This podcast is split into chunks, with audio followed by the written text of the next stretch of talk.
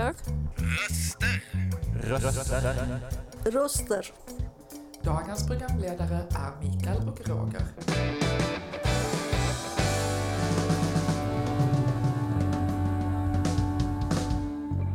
Dina röster i vardagen.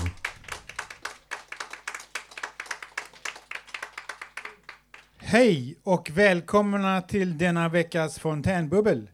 Idag är det torsdagen den 7 december 2023.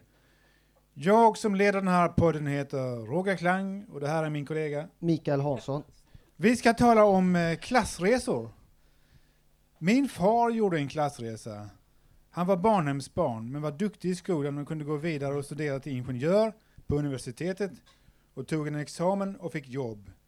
Så jag växte upp i ett medelklasshem i ett likformat villaområde. Först i Sjöbo och sedan ner till Södra Sandby. Tills föräldrarna skilde sig och vi barn flyttade till en lägenhet i centrala Lund tillsammans med min mamma. Ja. Men du då Mikael, har du eller dina föräldrar gjort en klassresa? Eller känner du någon som har gjort en klassresa? Eh, nu är det så här faktiskt att eh, både jag och min pappa vi är släkt med adeln och jag säger så här att eh, ni kan inte göra någon klassresa därför att ni, är slav, ni tillhör slavklassen allihop.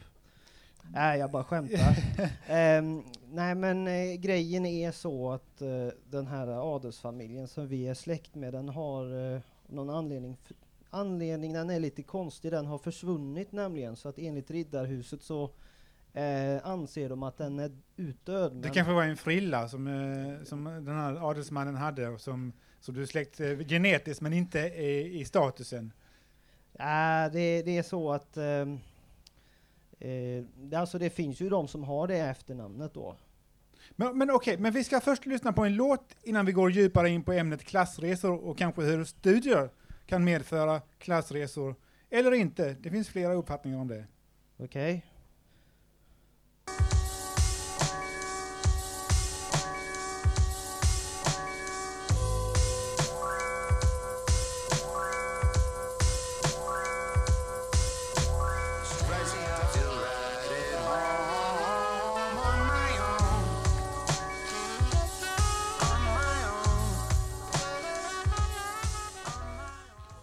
Ja, hej och välkomna tillbaka. Det här var alltså Billy Woods med låten Facetime.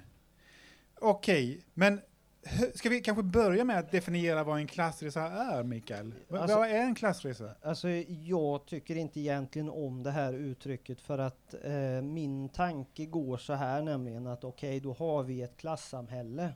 Eh, och ehm, då är det skillnad på folk och folk och eh, då är frågan, är, har vi lika mycket värde? Men eh, det, så, så tycker jag i alla fall när det kommer till det här med, med förmågan att kunna byta samhällsklass. Att Men okej, men, okej, men vi Ja. skulle definiera vad... ja, jag ska, jag, jag, jag ska definiera ungefär så att eh, förmågan att kunna förflytta sig från en samhällsklass till en ny samhällsklass då, att man lever ett rikare liv då, så att det kallas egentligen för social rörlighet. Och det är nog när man kan byta eh, social riktningar i, i, ett klassamhälle då, eller Och i vilken riktning som helst? Nej men alltså förresten då är det ju inget klassamhälle om, om man kan Nej, jag vet inte. Där, därför tycker jag att det är mm, knäppt alltså. För att, eh, är det ett klassamhälle vi vill ha? Nej, det vill vi inte ha för vi har ju en demokrati då.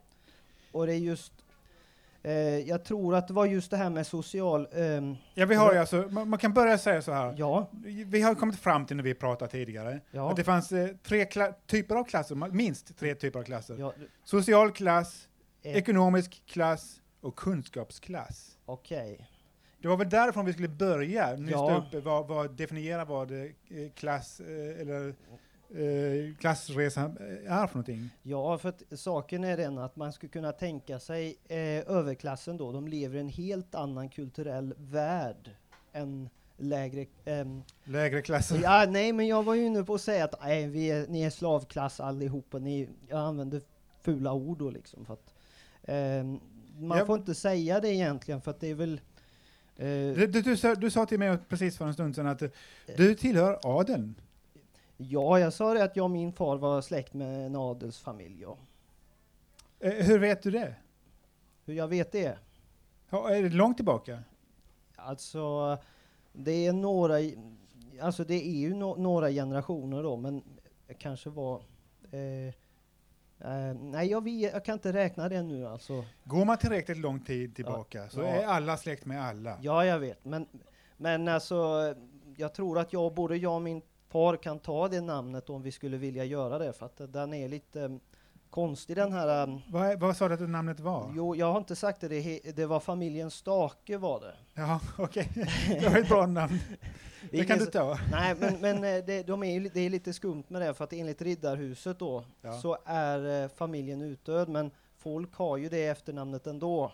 Ja. Och så finns det, har jag, har jag fått för mig att det finns adelsfamiljer som inte riktigt tillhör något land heller, utan de lever kvar sedan medeltiden då.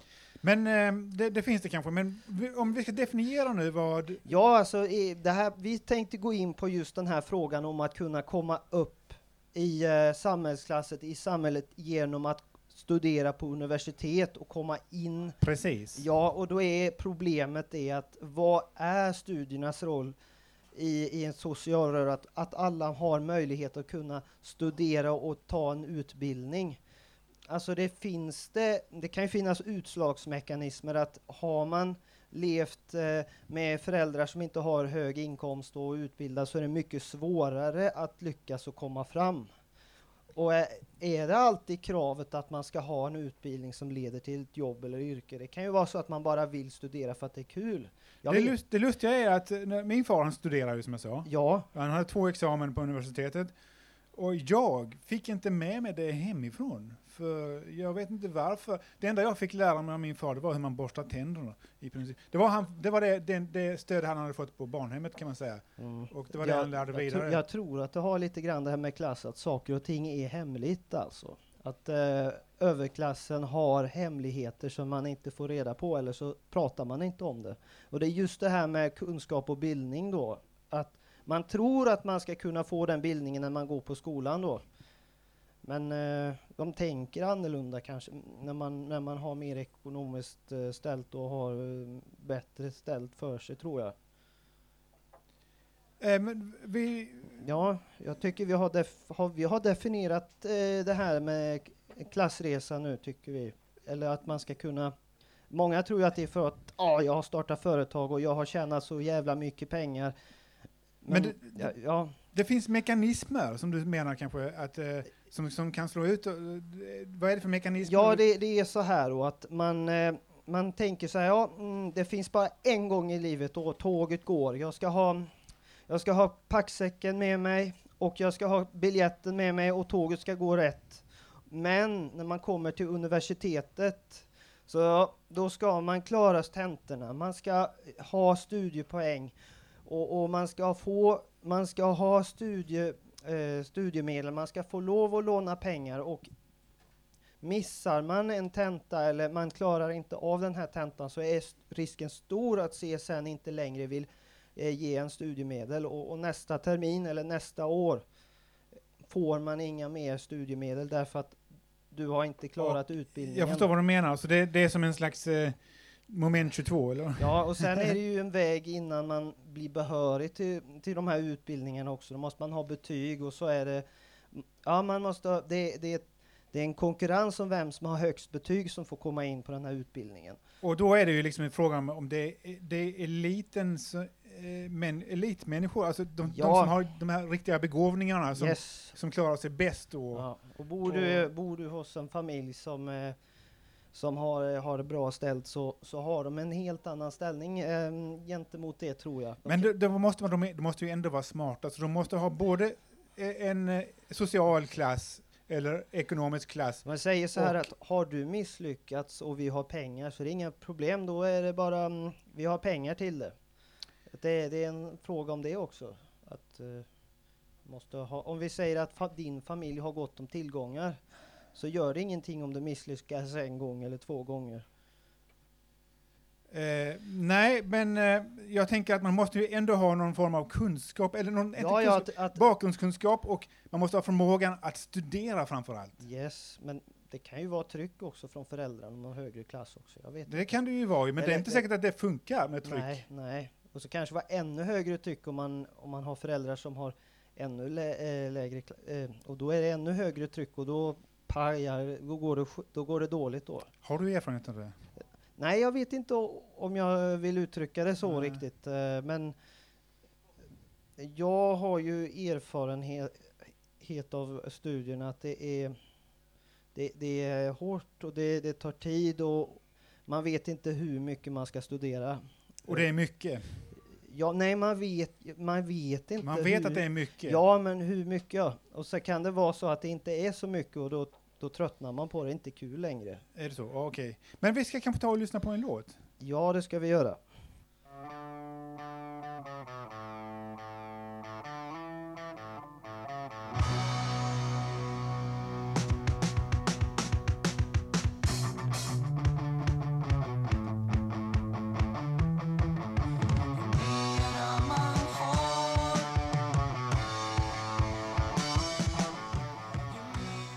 Ja, välkomna tillbaka. Det här var alltså gruppen Borgerlig begravning med låten Ju mera man har.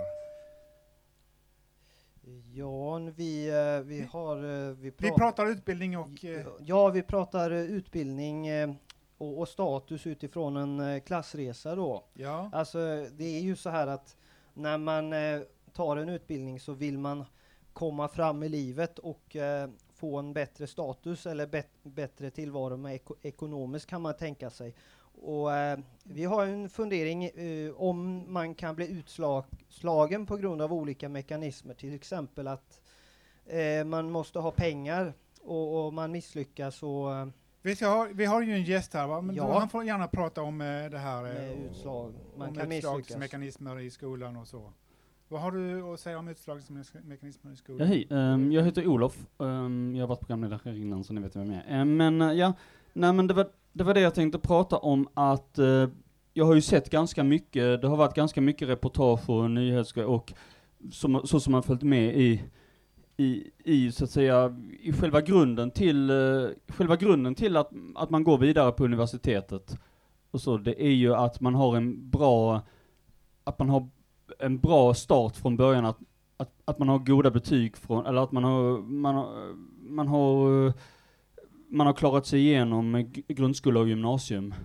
Ehm, och där har det väl alltid varit lite att det varit väldigt få som har gått vidare från, från gymnasiet till eh, Ja, men det beror väl lite grann på vad det är man läser, gör det inte det? Jo, det beror väldigt mycket. Men där tänker jag också, eh, eh, betygssystemet har ju ganska, det är mycket som tyder på att be- betygssystemet eh, sorterar på något sätt eftersom de som har, eh, de, man har infört ett nytt betyg, underkänt betyg, Ja, för, så, vilket då gör att de som inte har klarat vissa, istället för att det är gradvis att man har olika steg, olika möjligheter, alltså beroende på var man hamnar att jaha, jo men då kanske jag inte kan ta det här, men jag kan i alla fall ta den här utbildningen om jag har så här, att, det- att det är graderat bara i olika steg, så det, det är det fortfarande, men det finns det här underkänt betyget, det gör att ha, om man misslyckas i grundskolan så kan man inte komma vidare alls i princip. Och det har ibland motiverats med att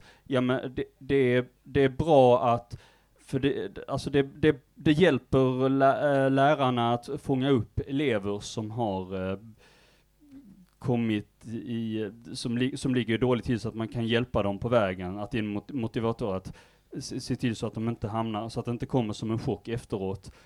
Eh, och, men det skapar ju också på något sätt att det, det, är en, det är en målsättning som är svår att leva upp till, att sätta in allt det stödet. Så det gör ju bara att fler eh, slås ut på det sättet. Eh, sen vet jag inte, alltså själva systemet med betyg bygger ju i, i, sig lite grann i grunden på det att man har olika, mm, att det finns uh, utslagningsmekanismer. Uh, ett, ett alternativ till betyg hade ju varit att ha inträdesprov. Mm, att uh, du har, har du klarat det här, jaha du har inte klarat eh, grundskolan men nu har du en chans att eh, skriva liksom... Du menar sådana här, eh, vad heter de här testerna? Eh, Ja. det eh, finns något som heter ja. högskoleprov. Högskoleprovet. ja. Nej men alltså det finns inte, ah, nej men jag pratar om saker som in, att man har inträdesprov till olika, till, till olika gymnasier eller eh, universitet eller vad det är, men att det inte behöver hänga på betyget. Ehm, en, ehm, en nackdel är ju, är ju då att det, det kanske gör att man kanske inte tar till sig dem, man kanske inte har den, eftersom betyg kanske är en motivation för elever, det var det i alla fall för mig när jag gick i Ja. skolan. Eh, så det så det är ju en nackdel så, samtidigt kanske det öppnar fler, skulle öppna fler möjligheter. Så jag, ja, jag, men jag samtidigt så är det också en utslagningsmekanism i sig att ha tester. Alltså, Jo, jo, det, det, det är det ju alltid. Alltså det, Så det är alltid så att det, det finns alltid en uts- utslutningsmekanism, det, det är det jag vill komma. Men jag bara tänker att betyg i sig har ju den eh, grunden lite grann att saker som man, det finns möjlighet att lyckas på någon väg, kanske man pressar så att, ja men, det först, det, i första hand är det viktigt vad man har fått för betyg, hur man har legat, hur, vilken, hur, hur bra kontakt man har haft med lärarna, hur bra, hur bra omdöme liksom.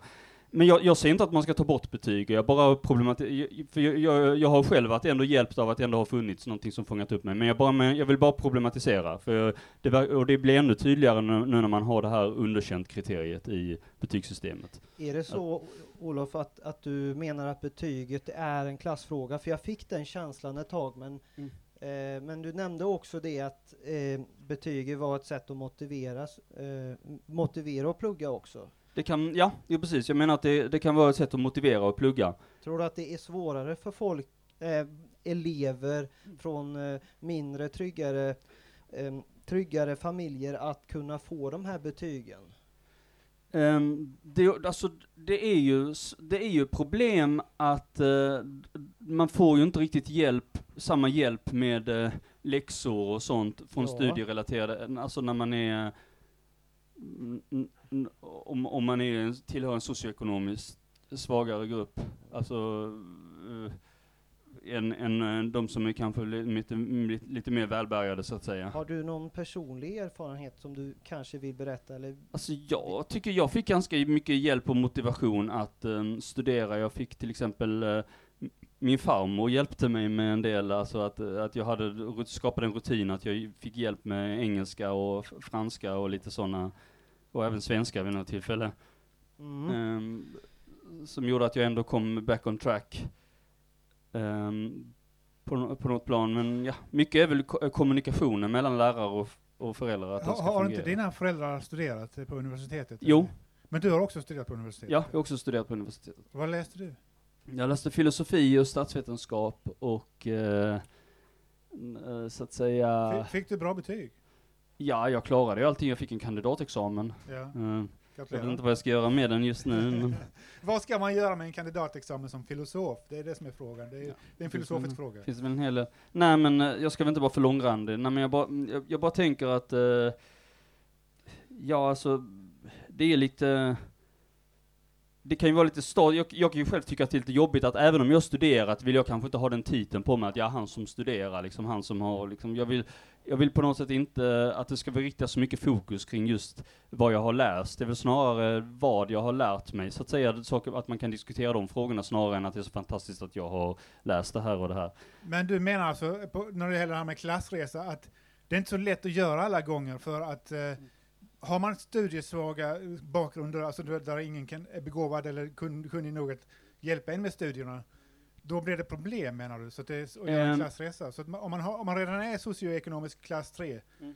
så är det svårt att, att komma vidare, menar du så? Ja, alltså Sverige har ju ändå re- rätt så väldigt bra eh, möjligheter till genomströmning. Man har ju gratis eh, utbildning och, eh, och en hel del stödinsatser även om vi har långt ifrån den bästa skolan. Till exempel Finland har ju den bästa, det, det säger alla undersökningar att de, de, har- de har de, de, de har ett system liksom så som, gör, som gör att skolan fungerar väldigt bra, då så att kanske grundskolan. Ehm, jag kan inte det i alla delar, men det är i alla fall viktigt att uh, tänka på att uh, det finns, uh, ja var var jag nu någonstans? Kan man göra misstag på Alltså, vägen menar du? ja, alltså, det, det, det är lite sämre nu än vad det var förr att det, det var ofta så att en, en generationen som var efter den andra hade, kom vidare till högre utbildning, att det fanns fler och fler för varje generation. Men nu är det inte, nu är det inte riktigt samma framsteg att generationen efter har bättre utbildning än generationen före. Så vad, vad har du fått? jag såg en undersökning. du såg en undersökning, det. ja. bara det jag ville komma till. Men Ja. vi skulle ta och lyssna på en låt. Och Ja, tack, tack så mycket för mig. Tack, tack.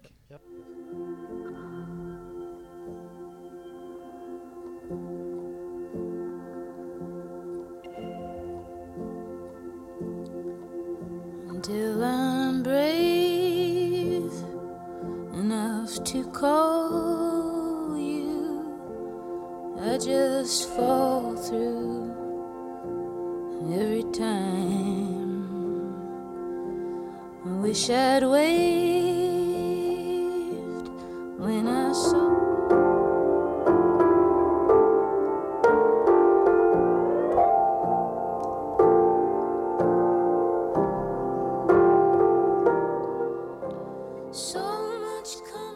Ja, hej och välkomna tillbaka. Det här var, eh, det här var artisten, eh, ja, antingen heter hon Adrianne Lenker eller så ska det vara Adrienne Lenker. Jag tror nästan det är det sistnämnda. Och låten Ruined. Okej, eh, Mikael. Ja, eh, det är så här. Har du hört talas om uttrycket Lex Mercantore? Nej, inte för en Det, sekund det, det, det latin och betyder handelsmännens lag. Okej. Och, och det är så här att man kan tänka sig att det finns mycket kulturell kunskap som inte är känt bland vanligt folk. Koder menar du? Ja, koder, ja. Varför, Sociala koder? ja, varför handlar man som man gör? Mm. Och det, det är så att det finns ju handels, eh, olika sedvanor bland folk då. Man tittar om människor har olika socionomiska klasser så har de inte samma sedvanor. Men det handlar om att förstå vilka koder det är de använder sig av. Ja, precis. Eh, Det, det är liksom som en hemlig... eh, hemlig eh, Hemliga koder, hemligheter, men det är inte hemligt. Det finns framför ögonen på en, men man vet, förstår inte det. Man förstår Ah, inte dem, man vet nej. inte var man ska lägga kniven och Nej, gaffeln. du blir lurad och, och alla accepterar det. Eh, det. Ja, just det var något sånt, ja. Eh, det där med, med att det är latin då, att eh, aka, den akademiska kulturen, det är inte så många, det är inte så hemskt länge sedan de, jag tror de har läst allt på latin på universitetet. Eh, kan, det vara, kan det vara 200 år? Nej, jag vet inte. Eh, de har ju läst latin, jag menar, då- latin alltså- har ju varit ett språk i, i, sen vikingatid och innan dess också. Ja, ja, men det har ju det här med läsa och skriva. Vi, vi skriver ju med latinska bokstäver. Ja, Har du tänkt på det? Eh, Ja, ja, då, är det, då är det någon form av latin vi använder. Vi, har, vi använder inte det latinska talsystemet i alla fall. Nej, det... Men i alla fall, Ja. vi, vi har en gäst med oss idag Ja, här. och vi tänkte... En till gäst. Hej, Hej vad heter du? Jag heter Margita. Hej Margita. Och eh, Har, har du du har om det här funderat ämnet? på det här med eh, koder och eh, överklassens kulturella koder då. Du hade läst någon artikel eller så? Ja, när vi jobbade med det här att titta på klassresor så sa jag att ehm, det finns folk som skryter med sina, att de har gjort en klassresa och då fick jag en fråga om jag hade några exempel och det hade jag inte då. Men nu har jag hittat en blogg där eh, som heter Kändisar skriver om klassresor, en blogg. Och eh, där menar hon att man börjar att det har blivit på modet att prata om klassresor och att varje kändis med självaktning bör helst ha gjort den. Och det finns ingredienser i den här. Det ska gärna vara en besvärlig barndom eller en dos fattigdom eller bokligt armod. Varför tror du det är så? Eh, Men jag- får jag Ja, ta... får fortsätta. Eh, eller alkoholiserad föräldrar. Och det får en genomslagskraft. Och de som nämndes här i den här bloggen, det var Leif G Persson. Han har skrivit Gustavs grabb. Leif GW Persson. Okej. Och Åsa Lindberg har skrivit mig äger ingen. Och Ronny Ambersson har mitt förnamn är Ronny och han är ju mera idéhistoriker. Och han, han försöker se lite mer då över eh, varför så många har gjort klassresor under senare delen av eh, 1900-talet. Och han har också blivit då från Göteborg och installation i Umeå, så han har gjort en bildningsklassresa. Ja, Och jag har en sak till, men jag är öppen för frågor. ja. Varför tror du att det är så att man måste ha eh, en svår barndom eller eh, problem i livet för att man ska kunna göra en klassresa?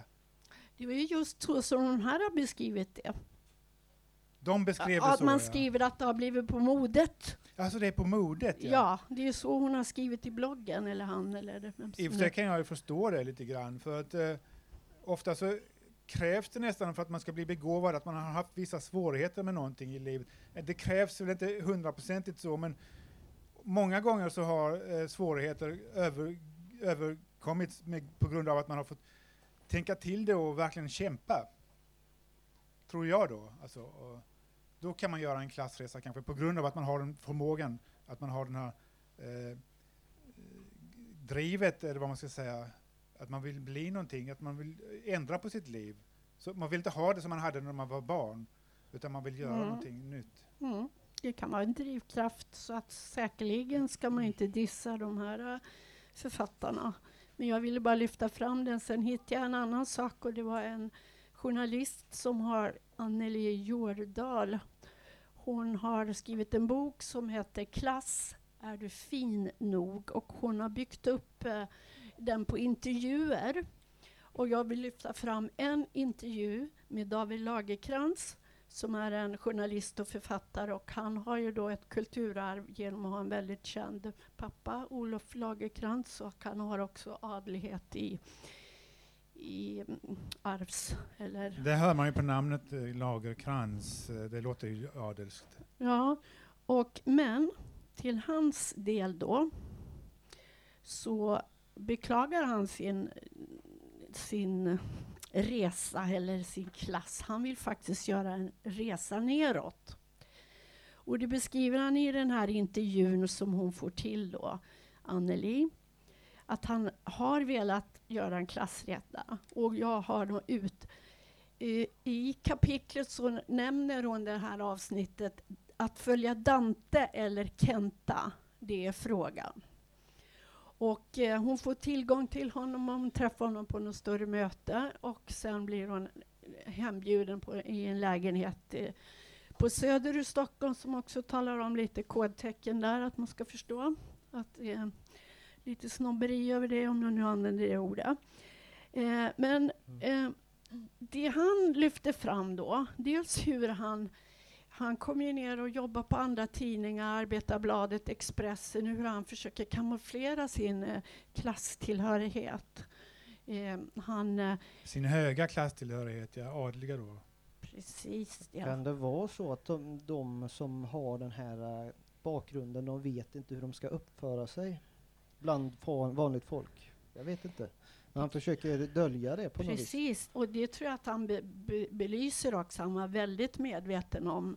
Jag tror eh, så här, redan på skolan började jag för första gången förstå hur min bakgrund retade folk. Okej. Så då försöker man kanske kamouflera sin bakgrund istället. Och det gjorde han på olika ställen och han beskriver att det fanns någon sorts Eh, jag har lärt mig att klassbedöma mitt möte och lägga mig på den andres nivå. På Expressen hade, jag inte, hade han inte sina kostymer från Götrich. Är det rätt uttalat?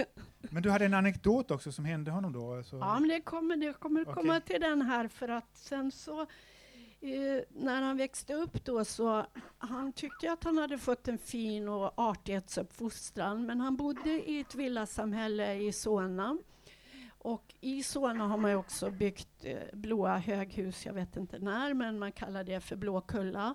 Och skolan låg nära där, så han ville gärna vara lite kaxigare. Han ville, han ville hänga på de här killarna. Och, som, men eh, han hade ju ett, en belastning med att, att han hade den här kulturella bakgrunden. Um, och, och då frågar hon Um, uh, mitt liv har handlat oerhört mycket om att försöka dölja mitt ursprung i en medvetet eller omedveten vilja till en klassreda nedåt. Men då när han eh, började vara här vid Blåkulla, som man säger, eh, och Dante är ju en klassisk eh, verk som ofta också hör till överklassen då, att man har fina tavlor och man har mäktiga verk. Så när han var ute en gång på Blåkulla så kommer en kille fram eh, och säger eh, Heter du Kenta? Och då blev man ju jätteglad. Tack. Okej. Okay. Tack så mycket. Tack ska du ha. Och vi skulle kanske ta och lyssna på en låt.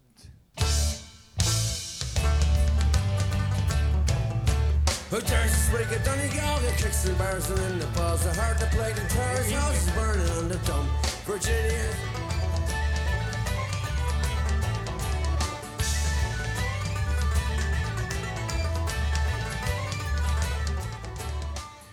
Ja, hej och välkomna tillbaka. Det här var alltså gruppen Shane McGowan and the Popes med låten Donegal Express. Yes. Och eh, vi pratar om det här med bildning då, så att man alltså att man kommer framåt i livet med, man gör en klassresa då. Eh, är det så att man verkligen lär sig saker och ting på universitetet? Man måste ju ha en viss förståelse för det man bildar sig för. Ja, vi har en gäst med oss idag. Ja. Om, vi, om vi skulle fråga dig det då, vad skulle du svara då? Vad heter du förresten? Jag heter Ingrid Hej Ingrid. Ja. och det är så här, till exempel när jag gick en utbildning till, till bli folkhälsovetare, visst lärde jag mig massor som var intressant. För mig i alla fall. Okej. Ja. Ja. Och Ja. jag tycker man kan göra en klassresa om man går från lägre socioekonomiska position till högre och högre. Till slut så får man ett bra jobb om man har gått igenom universitetsutbildning. Ibland. Och så kan man bli till exempel tjänsteperson, en högre tjänsteperson inom myndighet och så har man gjort Ibland. en klassresa, tycker jag. Om man kommer från en utbildning. Men du menar alltså att eh, utbildningen i sådan har ett intrinsikalt värde, alltså så att kunskapen har ett värde i sig? Du tänkte Ja, säga om jag, jag har lärt mig att kunskap kan vara makt. Alltså om Ja. man sitter i kunskap och så, har, så kan man ju utöva makt på det då ju. Mm. För det är bara jag som vet det men andra kanske inte vet. Ja, Jag ska säga så här, det låter väldigt intressant. Jag har fått eh, erfarenhet av min kusin som berättade att det är många läkare och tjänstemän, de är inte bra. De är bara intresserade av en titel. De har liksom, de vill ska ha sin titel, de, de vill inte göra så mycket men de vill bara sitta där. Men de har, och så finns det yrkesmän som är väldigt bra och vill hjälpa. Men många kan vilja bara ha en titel då. Att det är någon form av egenvärde också. Man ska väl ha vissa egenskaper tänker jag då för att man ska kunna Ja. så att säga få sina idéer att slå rot och att, eh, att driva igenom någonting. Man måste väl vara lyhörd till exempel eh, kan man tänka Ja. sig. Man kan ju också vara motsatsen men då brukar det sluta illa. Är det inte så? Ja, det, det vet jag inte riktigt. Det har jag inte satt mig in på så mycket. Men jag har ju tagit fram på Folkhälsomyndighetens hemsida att utifrån vad jag vet i alla fall så, så, så är det så att det finns något som heter den sociala gradienten. Och Vad- det, vad den är- sociala gradienten. Okej, Man har gradiell skala på det då. Alltså Eller då, man då har är satt det så det. att vad jag tänker mig då att om man att det finns en, den går igenom alla samhällsklasser och, eh, och alla samhällsutbildningar. Oavsett vilken utbildning man har så är det som en linje som går rakt igenom. Och ju lägre utbildning man har ju ökad risk för ohälsa finns det då. Och ju högre utbildning man har, det är inte längden av utbildning som räknas utan det det är liksom hö, ju högre utbildning man har, ju bättre på befolkningsnivå så mår befolkningen bättre. Så vi har, om vi har en befolkning med högre utbildningsnivå så generellt sett så, så mår befolkningen bättre. Så när man gör en klassresa uppåt då, då gör man också en klassresa till en hälsosammare liv? Alltså inte hälsosamma liv utan det händer någonting i kroppen gör att man mår bättre. Det, sen kan man drabbas av sjukdomar ändå, till exempel man har ju ärftlighet och sådär med i bilden. Mm. Men, men befolkningsnivå, vad jag har lärt mig när jag har gått utbildning i alla fall, så, så mår man bättre. Det blir bättre, mindre sjukdomar och sådär. Ja, men eh, var det någonting mer du hade att säga om folkhälsa och eh, bildning eller eh, en klassresa? Nej, jag, jag tänker man kan ju göra en klassresa som jag sa innan. Man kan gå från låg utbildning till högre utbildning och sen få en bra position i samhället och tjäna, få högre lön ju. Eh, men, ja, men det måste inte vara så. Mhm. Inte alla som går den vägen. Jag tänkte att en, en filosof till exempel, vad kan han bli när han är utbildad? Han kan inte bli någonting. Han kan bli kunnig. Han kan bli kunnig, man kan hålla kurser i filosofi och Ja, hålla föreläsningar och sitta och snacka i tv och radio om filosofi. Men det är svårt med jobb om man är filosof. Det tror jag. Man kan ha egen firma till exempel. Det har, har väl lite grann med det sociala nätverket Ja, man, ja. eh, som man eh, samverkar med då tror jag. Att eh, om man har, eh, om man är ett filosof eller om man är akademiker, men vad har de för socialt nätverk? Det är lite grann det jag t- tänker på då. Men många gånger så är mm, att man vill eh, att, att när man kommer från en, eh, från en annan familj som inte är akademiker, då kanske det är väldigt svårt att få det här sociala nätverket. Jag har hört många som har studerat till civilingenjör, de säger det är jätteviktigt att du skapar kontakter på, universitet, äh, nej, på högskolan då. För Ja. att de ska du träffa sen i eh, yrkeslivet efter, efter studierna, har jag hört. Och då är det svårt att göra en klassresa. Om man inte har, man några, inte har- några vänner och eh, samverka med sen. Nej, alltså, det kan bli svårt det då ja. Okej. Jag tackar nog för mig. Ja, tack så du ha Ingrid. Och eh, Ja, vi ska tack. spela en låt. word,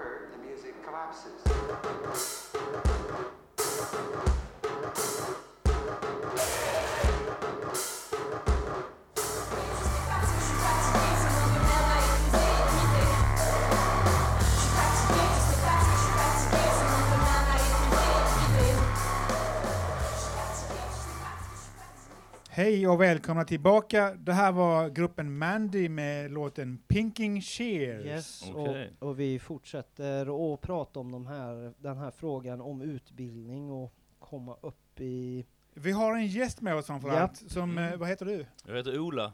Och du har gjort en klassresa eller? Ja, jag har ju det precis som folk har varit inne på. De flesta vill göra en klassresa uppåt, men eh, jag har gjort en klassresa neråt.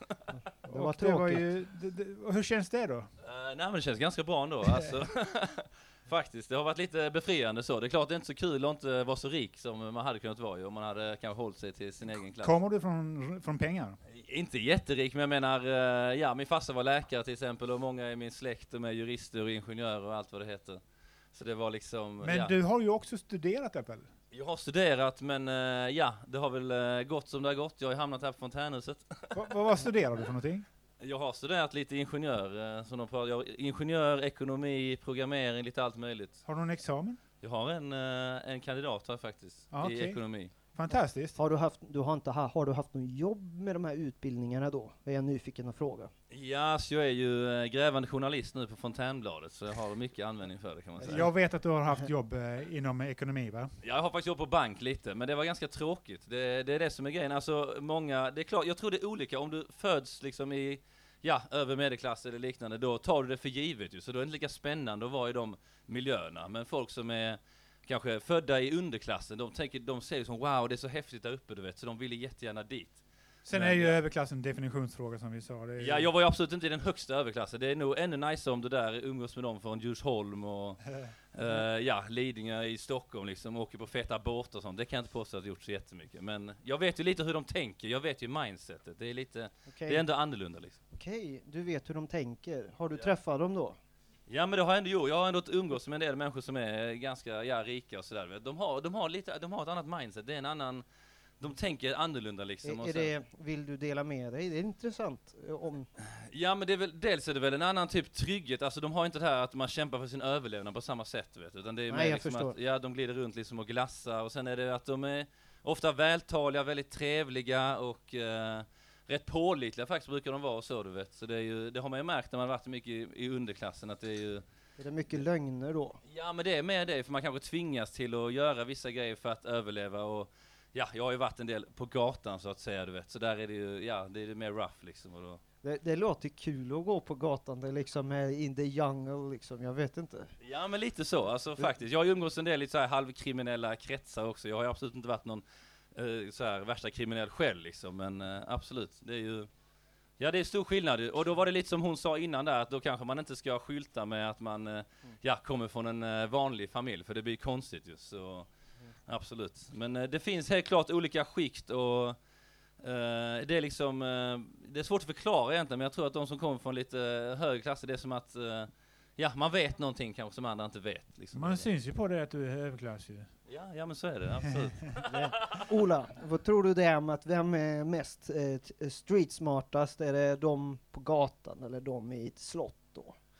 Ja, alltså det är ju sådana som jag som har varit både och då kan man Okej, säga. det är, det är street smarta personer, man kan gå lite som man vill liksom, man kan, Mm. man kan kampa vart man vill. Exakt, men de är nog smarta på olika sätt tror jag. Alltså för att de uppe i slottet är väldigt smarta på sitt sätt. Alltså du, du kan inte vara dum om du ska kunna ha ett slott och ha så mycket pengar och kunna bevara den rikedomen. Det är inte det lättaste. Nej. Så de är ju väldigt smarta också. Det är jättetrevligt att få höra dig prata om överklassen här, Ola. Men, men vi måste ta, gå vidare, för vi har inte så mycket tid på oss. Är det okej? Ja, ja, absolut. Men eh, ja, uh, ingenting är omöjligt, så är det. Kämpa Eh, uppåt. Tack Amen. så mycket, Ola. Ja, vi har en annan gäst här. Eh, vad heter du? Jag heter Martin. Hej Martin. Vad, Hej. och vad har du att säga om klassresor och eh, studier som är specifikt då? Vi kanske Ja, så jag har gjort en klassresa eh, jämfört med mina föräldrar. Så jag har läst ingenjörsämnen då på universitetet. Och min pappa läste också till ingenjör fast på gymnasiet på 60-talet. Eh, och eh, alltså då så, då var det ju ganska, det var inte så många som läste på universitetet då. Så han gjorde också en klassresa då, alltså din pappa? Nej, han läste bara på gymnasiet. Han läste bara gymnasiet, men du sa att han var ingenjör? Var han civilingenjör eller vad var han för nej, ingenjör? nej, bara gymnasieingenjör. Gymnasieingenjör, ja det måste han vara då ju. Ja. Dum, dum, dum. Jag kan inte studera Ja, det är ju så- speciellt när man var eh, gymnasieingenjör. Det kanske bara är en titel. Jag, jag vet inte så mycket om det. Ja men sen jag har kollat upp lite grann där eh, just hur, hur vanligt det är att vara ingenjör. Men det är kanske så att det går inflation i det. Så att, att vara civilingenjör nu, det är kanske som att vara eh, gymnasieingenjör på 60-talet. Jag vet inte. Det kan ju stämma. Det, de säger ju att skolan har gått ner i, i den här mätningen som, vad det nu heter igen. P- PISA, PISA? PISA-mätningen. Alltså att den svenska skolan har halkat efter, och vi, men vi ligger fortfarande före sen pratar vi lite det om, alltså man märkte mycket det när, jag började läsa um, till ingenjör först, sen så läste jag till ekonomi sen. Och så tog jag en fyraårig magisterexamen i uh, civilekonomi. Man märkte i början när man började läsa att, eh, alltså mina föräldrar var inga akademiker men det fanns de i klassen som, som var akademiker som var väldigt duktiga. De, de drog ett stort last liksom och nätverkade med alla, var vänner och Men du, eh, du, du har gjort en, en klassresa alltså? Personligen? Ja det tycker jag. Och eh, hur, hur- har du lyckats med jobb och sånt då? Sen efteråt har det blivit något eh, jobb? Ja alltså jag har jobbat som eh, e- ekonom på, på Ericsson. Ekonom? Ja. Men du sa att du var, du var eh, eh, vad heter det? Ingenjör. Ingenjör? Ja, så jag läste två år till ingenjör först. Och sen så läste jag fyra år ekonomi. Aha. Eh, Det, det låter som min pappa då. Han läste både ingenjör och eh, Mm. Ja, ekonom. men så jag jobbat som ekonom på ett tekniskt bolag. Okej, men eh, vi, vi ska faktiskt ta och lyssna på en låt. Men tack så mycket Ja, tack.